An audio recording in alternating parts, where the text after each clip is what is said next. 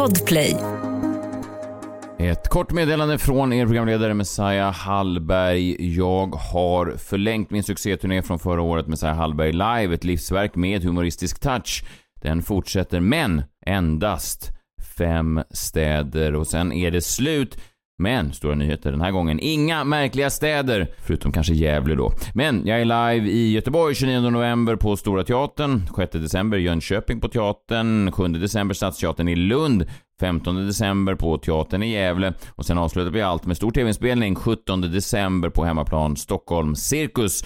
Köp era biljetter på kalo.se slash live eller så finns alla biljettlänkar på alla mina sociala medier. Vi ses i höst. Nu tillbaka till vårt ordinarie program.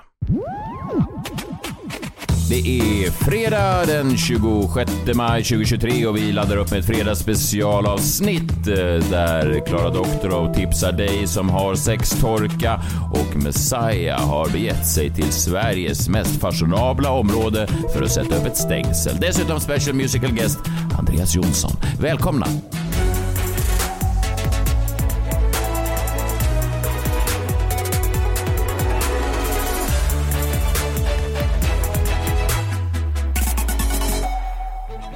God morgon John i Spanien. God morgon, god morgon. God morgon Klara Doktorov i Stockholm.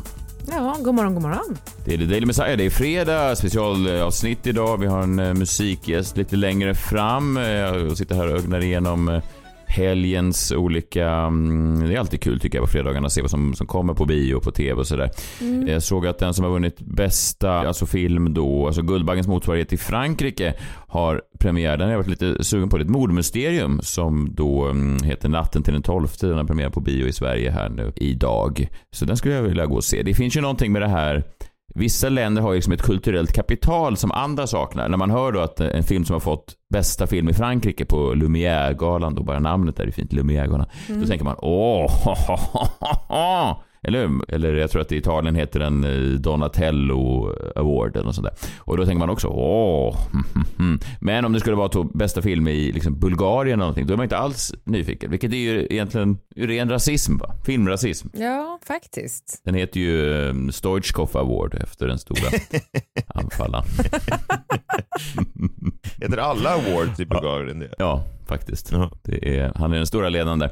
Eh, sen såg jag att, eh, det är lite intressant, svenska skådespelaren Alexander Karim, eh, hans nya serie som är en internationell serie, har premiär på Viaplay i helgen. Den heter The Swarm och det är kul eh, Karim, vi har pratat om honom genom åren. Han var ju en av dem som gick ut efter, eh, ja var efter metoo, men det var också efter den här med Josefin eh, Nilsson, Einbusk singersångerskan, den här dokumentären som utmålade Örjan Ramberg som eh, implicit då kvinnomisshandlare. Ehm, han gick ut och sa att han aldrig mer skulle jobba med några as. Alltså att han, det här kommer jag förlora jobb på.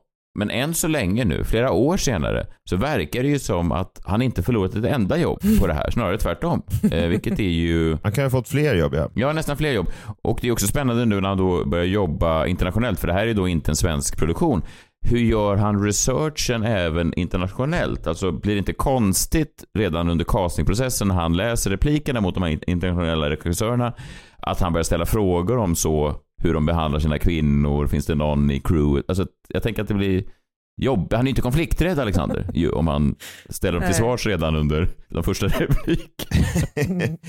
Ja, han måste verkligen göra sin eh, due diligence då på dem. Eller har han släppt det? Det kanske var en sån där grej som man har, eh, du vet ibland, jag kommer ihåg någon säsong jag hade ett par nya solglasögon som jag tyckte var så stora, kommer du ihåg när det var inne?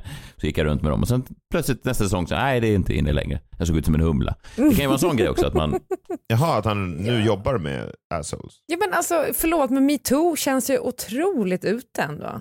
Det gör ju det. Det Ja, känns som det att vi har gått hela varvet runt nu. Nu är ju folk assholes igen till höger och vänster. nu känns det som att TV3 kan presentera Tutti Frutti i deras nya Ja. vårsatsning. Ja, men alltså det dekadente liksom 20-talet. Under ledning av Alexander Karim. Alexander Karim leder nya säsongen av Tutti Frutti. Ja. Får jag se då, Miss Melon, vad du har där under? Ja, Fröken Melon. Fröken Ananas var min favorit alltid. Ja, det var så. Jag kommer ihåg i skolan, eh, jag hade en kompis som hette Oskar Ringdahl då och eh, han hade ingen timerfunktion på sin video. Eller så vågade han inte ens spela in det hemma hos sig. För det här Tutti Frutti gick då kanske 23.30 eller någonting och så var det skolkvällar. Och så kom han fram till mig, för det var avtalat att jag var den som skulle se till att timerinspelningen spelade in Tutti Frutti så att vi sen skulle kunna avnjuta. avnjuta det tillsammans då.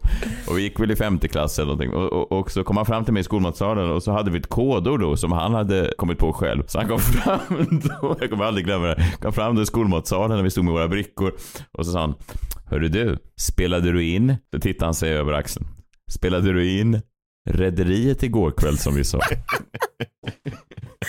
Och det var kodordet då? Ja, det var kodord för Tutti Frutti och sen sa jag mm, det är inspelat och sen på kvällen satt vi tillsammans och avnjöt då Fröken Melon och Fröken Ananas. Det var ju inte ett jättebra program men det var ju en desperat kamp att få se lite naket eh, på den tiden. Ja, jag förstår det. Det är lättare nu. Ja, det har ju utvecklingen har gått fram. Jag behövde ju bara gå till mina föräldrars eh, garderob när de inte var hemma. Sen hade jag ett himmelrike av allt möjligt. Bodde hon där, Fröken Melon? Jag tror det. Var din mamma fröken Melon? Min mamma var fröken Melon. Nej, men eh, det var som en hel eh, tysk sexshop i deras garderob. Åh herregud. Det förklarar ett Det annat. jag. förklarar allt. Och på tal om det så kommer ju Fräcka Frida lite senare och då tänker jag att jag ska hjälpa er och kicka igång lusten i er förhållande.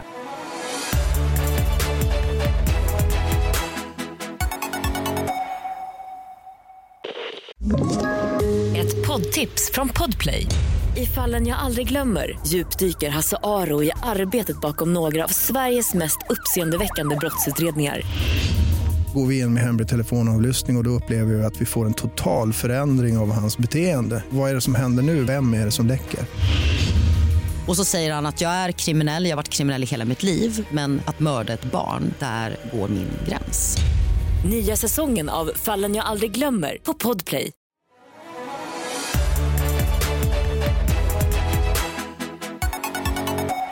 Jag såg också att du har någon ny eh, blogg. Du recenserar mat. Ja, precis. Jag har börjat blogga på L. Det är någon form av matblogg eller matrelaterad blogg i alla fall. Och jag kommer recensera lite krogar, jag kommer ja, men skriva om matminnen, prata med kockar, ja, lite allt möjligt. Så att jag tar mitt eh, egentligen enda intresse, fritidsintresse, jag har väl inget annat än matlagning och gör någonting av det så att jag förhoppningsvis också kan tjäna massa pengar på det vad det lider. Men det får. Ja, och man kanske blir bjuden på massa god eh, mat. Folk som vill att du ska komma och, och smaska hos dem. Ingen kommer ju våga bjuda dig på mat. Nej, men jag tänker så här, om jag ska kunna recensera ställen då måste jag betala för det själv, så det kommer jag nog ändå vilja göra. Men vill man skicka någonting till mig så absolut.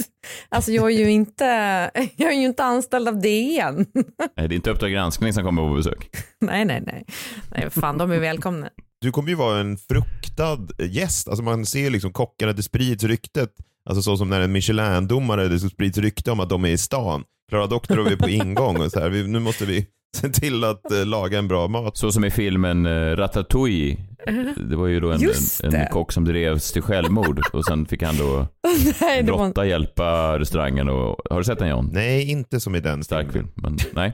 nej, han har inte sett Nej, jag den. har inte sett den. Men Det är en otrolig bra. film, du borde se den John. Ratatouille. Det var faktiskt den första filmen som eh, jag och min eh, fru gick och såg på date night, på tal om att aktivera sexlusten.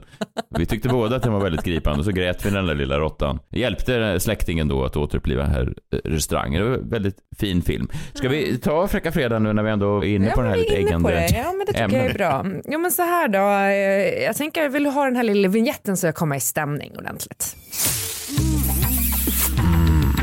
Fräcka fredag. Den är ju otroligt sexig den här vignetten. Eh, Det är som att man nästan kan bara sampla den nu. Spela in den på er tidsinställde sån här eh, VHS och sen så kan ni ha den hela helgen och ligga till. Använd kodord. Exakt.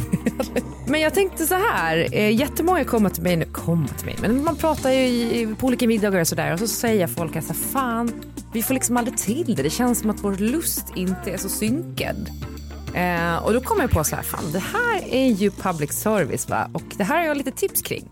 Så jag delar med mig av de här och nu får ni vara lite försökskaniner här John och Messiah. Det tycker ni är superbekvämt. Det är ju så här då att om man är lite osynk i sexlivet så finns det tre grejer man kan göra. Man slår sig ner, man är kanske lite eh, sådär lite mysig efter något glas vin, då kan det vara lättare att prata om sex. Och är man nykterist så kommer det ju vara svårare såklart, men då kanske man har något annat som får igång en. Och eh, så ska man liksom felsöka lusten nu. Jag vet inte hur ni tänker Messiah och John, men lusten handlar ju inte om ens partner i första hand, utan det handlar ju om en själv. Partnern kan väcka sexlusten, men om du inte har tillgång till din egen sexlust så spelar det liksom ingen roll hur mycket partnern försöker med sexiga underkläder och akrobatiska ställningar. Man är liksom lite död, förstår ni vad jag menar? Nollad, tom. Har ni känt det någon gång? Mm. Avkukad. Avkukad ja. Ja, på tal om det vi pratade, Pratade om igår, Ja, nej, ja. jag, jag hade känt Men du har aldrig haft det problemet? Så... Nej, inte än. Jag har snarare tvärtom alltså. Att jag har, jag tror att jag skulle ibland vilja kanske känna mig lite mer avkukad då för ett lack of better word. John då? Jo, men det är bra. ja, det är bra.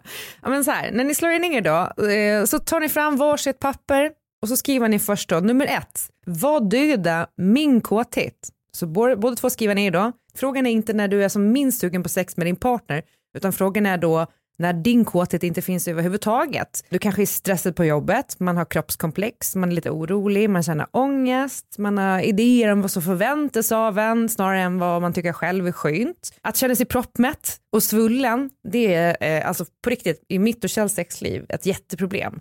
Han är ju min egen Jan Stenbeck, så jag har liksom fått börja gömma maten och vinet om jag vill ligga efter. Vem är vem? Alltså Kjell är Jan Stenbeck.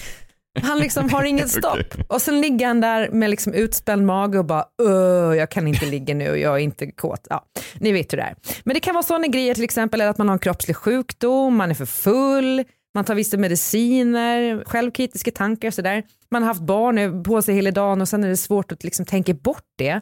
Så nu gör man då en lista på de här sakerna som stänger av kåtheten och som blockar den för en själv då. Jag tänker att det är betydligt mer effektivt att ta bort sånt som bromsar kåtheten än att ösa på med sånt som ska väcka kåtheten hela tiden. Men vadå, Kjell får inte äta mer då? Ja, men har man den här bromsen i så spelar det ingen roll hur mycket den andra gasar, förstår du? Så ja, då vet vi då jag och Kjell att nu plockar vi bort maten. Nu stoppar jag undan den och fryser in det som är kvar så att du inte äter tills liksom allt är slut i pannan.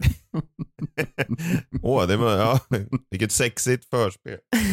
ja men det kan väl vara en bra grej.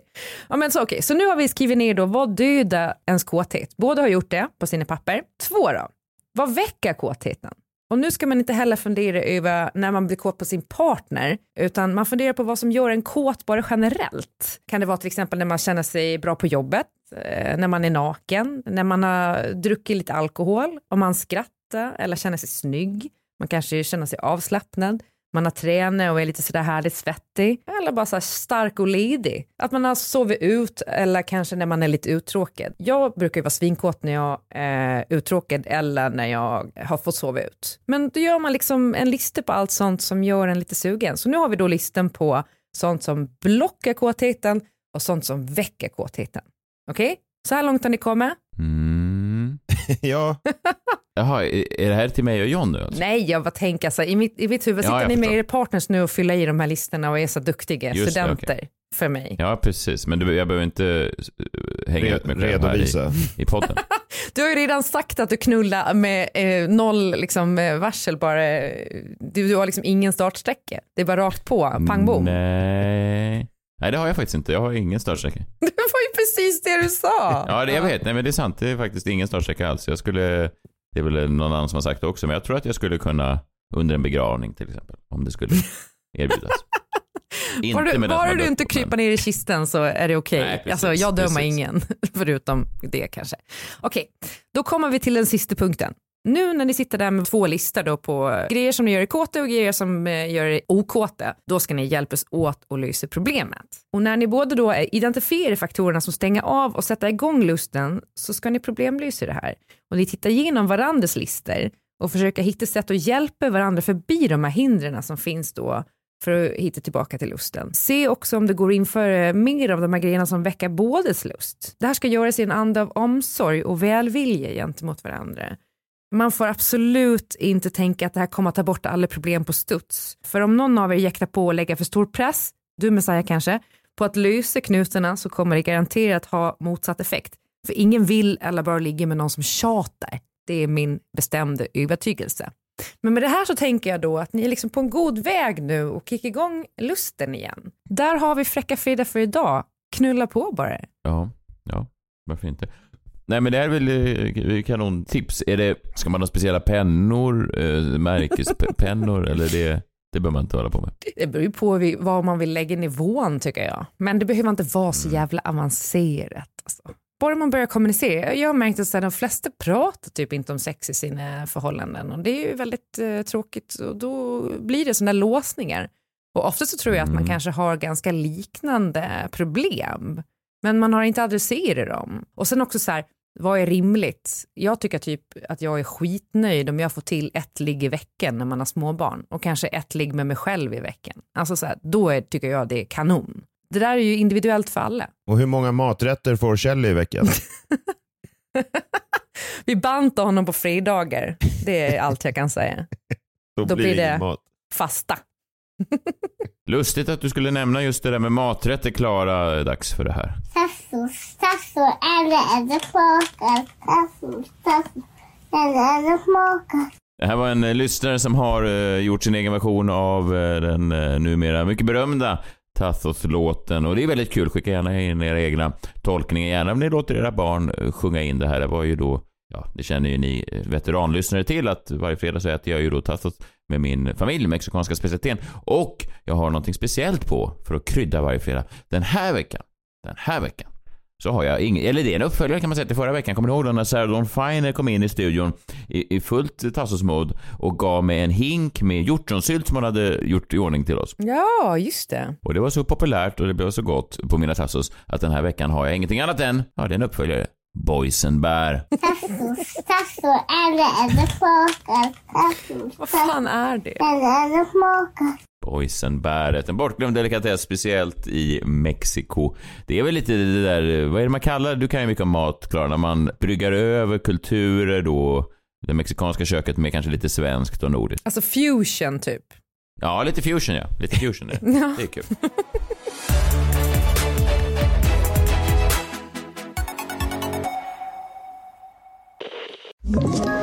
Ett poddtips från Podplay. I podden Något Kaiko garanterar östgötarna Brutti och jag, Davva, dig en stor dos skratt. Där följer jag pladask för köttätandet igen. Man är lite som en jävla vampyr. Man har fått lite blodsmak och då måste man ha mer. Udda spaningar, fängslande anekdoter och en och annan arg rant. Jag måste ha mitt kaffe på morgonen för annars är jag ingen trevlig människa. Då är du ingen trevlig människa, punkt. Något Kaiko, hör du på Podplay. Därför är gardinerna.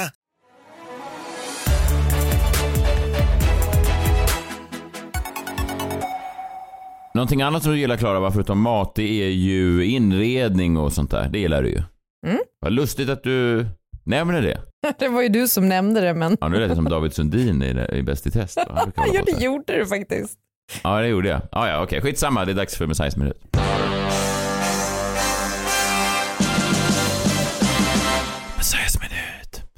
Det här är ett intressant ämne som jag tänker prata om nu, för det finns en väldigt uppenbar eh, bov och det finns en väldigt uppenbar, eh, ja vad ska man säga, jag vet inte riktigt om det finns en motsats, jo men det finns en motsatt sida och de är väl inte bovar men det finns liksom en, en rätt hållning att tycka i den här frågan och det finns en fel hållning.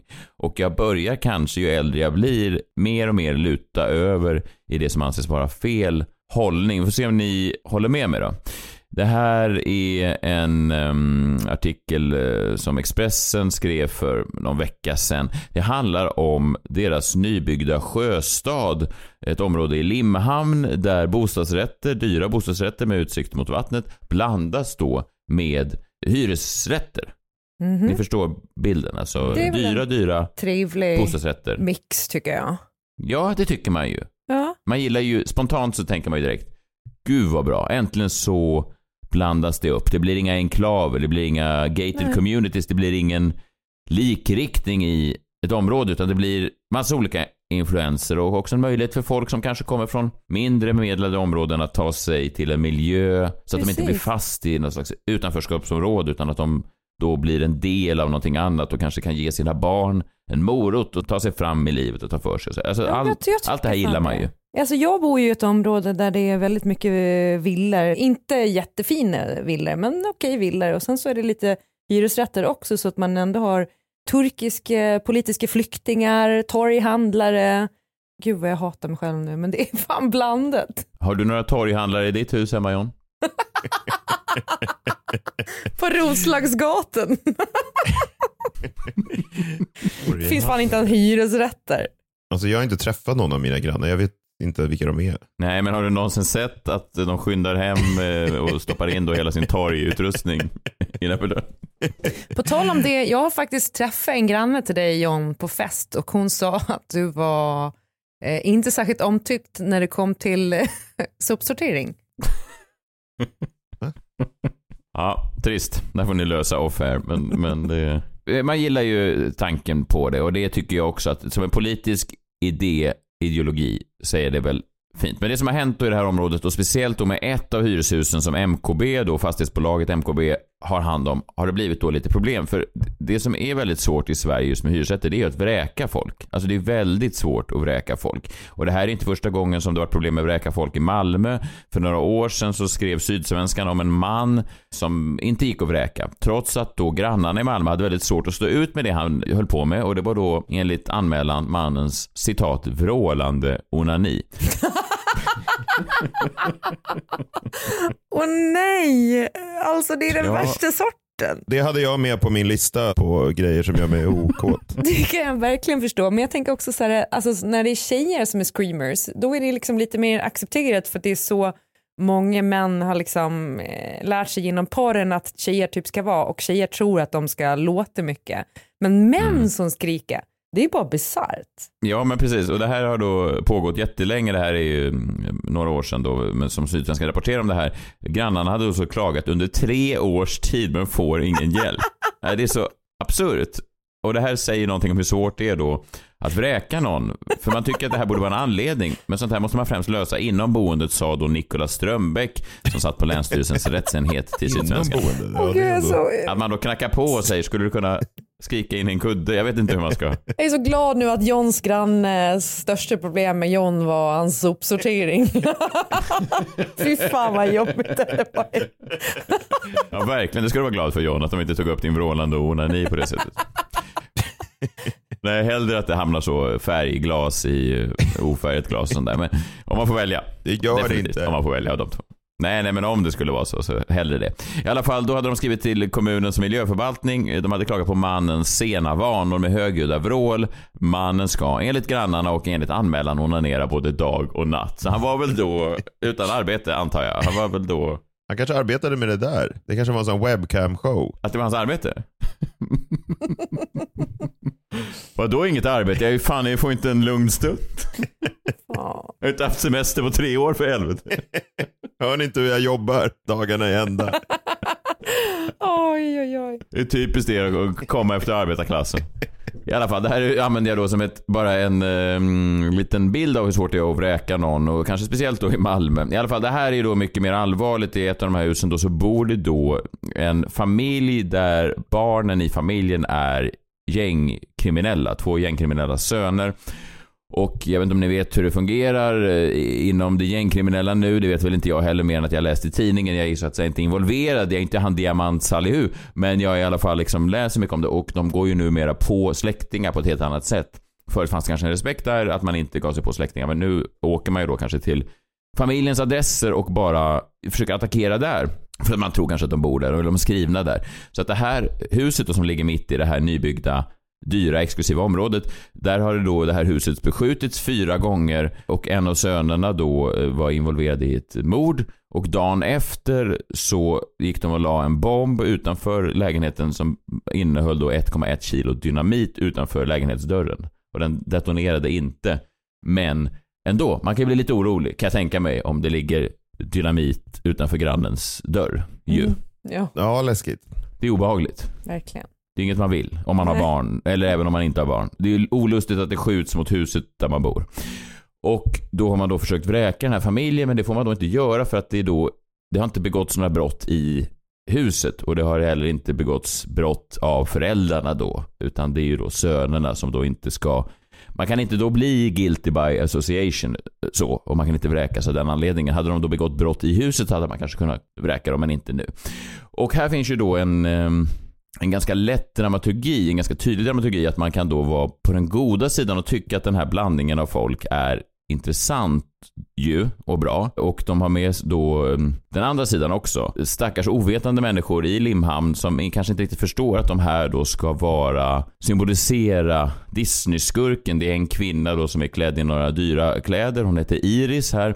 Hon är orolig för sin och andras säkerhet och att värdet på hennes lägenhet ska påverkas negativt. Hon bor då i bostadsrätten eh, bredvid. Och sen en bild på Iris och då vet man ju att när man läser den här artikeln att Iris ska ju då symbolisera den rika eh, bostadsrättsägaren som hatar att det numera är löst folk, arbetare och invandrare i hyreshusen. Hon vill ju ha bort dem. Hon sänker ju värdet på lägenheten. Mhm. Tänk på värdet. Ja, men då tänker man ju instinktivt, tänker ju till och med jag. Fan, Iris, fy fan, för sådana som hon va.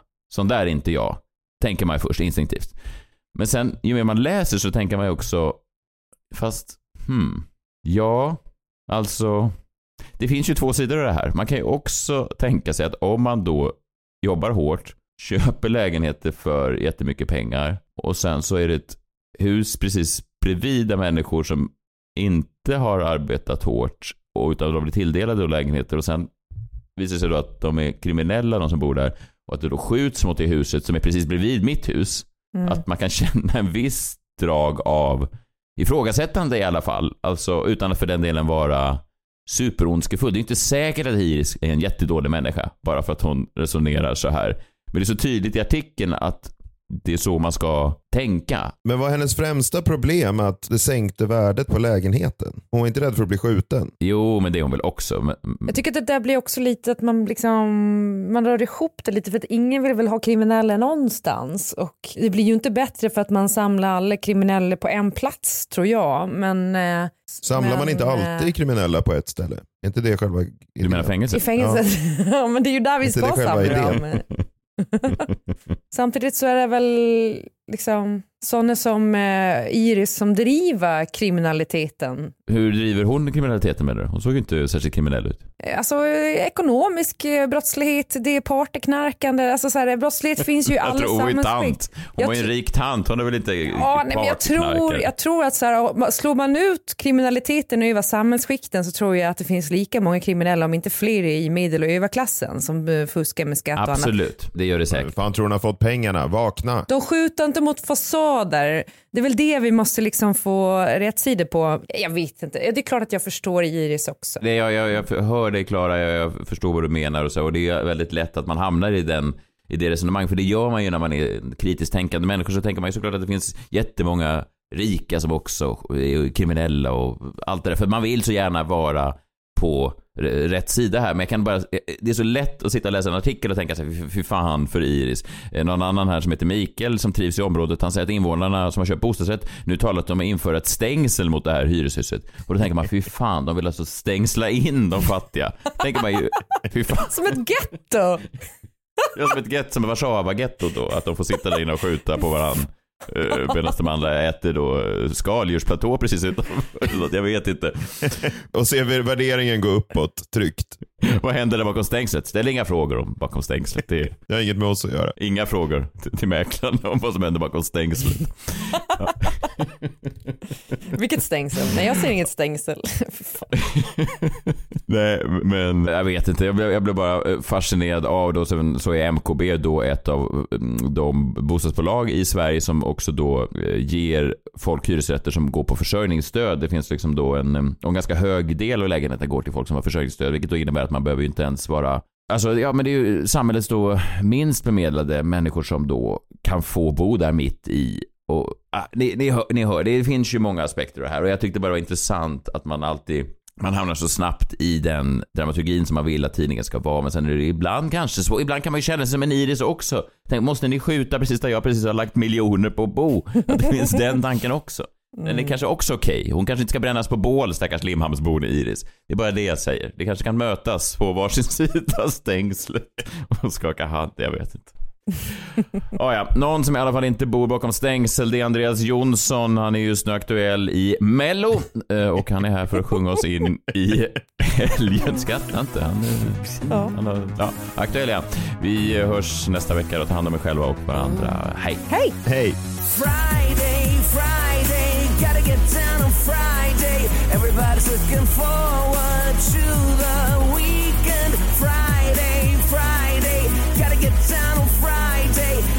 was looking forward to the weekend partying, partying, whoo, partying, partying, whoo, fun, fun, fun. Looking forward to the weekend.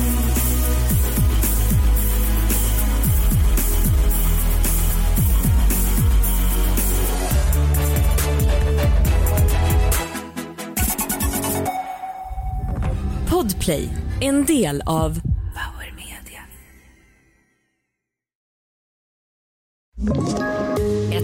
Poddtips från Podplay. I fallen jag aldrig glömmer djupdyker Hasse Aro i arbetet bakom några av Sveriges mest uppseendeväckande brottsutredningar. Går vi in med hemlig telefonavlyssning och, och då upplever vi att vi får en total förändring av hans beteende. Vad är det som händer nu? Vem är det som läcker? Och så säger han att jag är kriminell, jag har varit kriminell i hela mitt liv men att mörda ett barn, där går min gräns. Nya säsongen av Fallen jag aldrig glömmer på Podplay.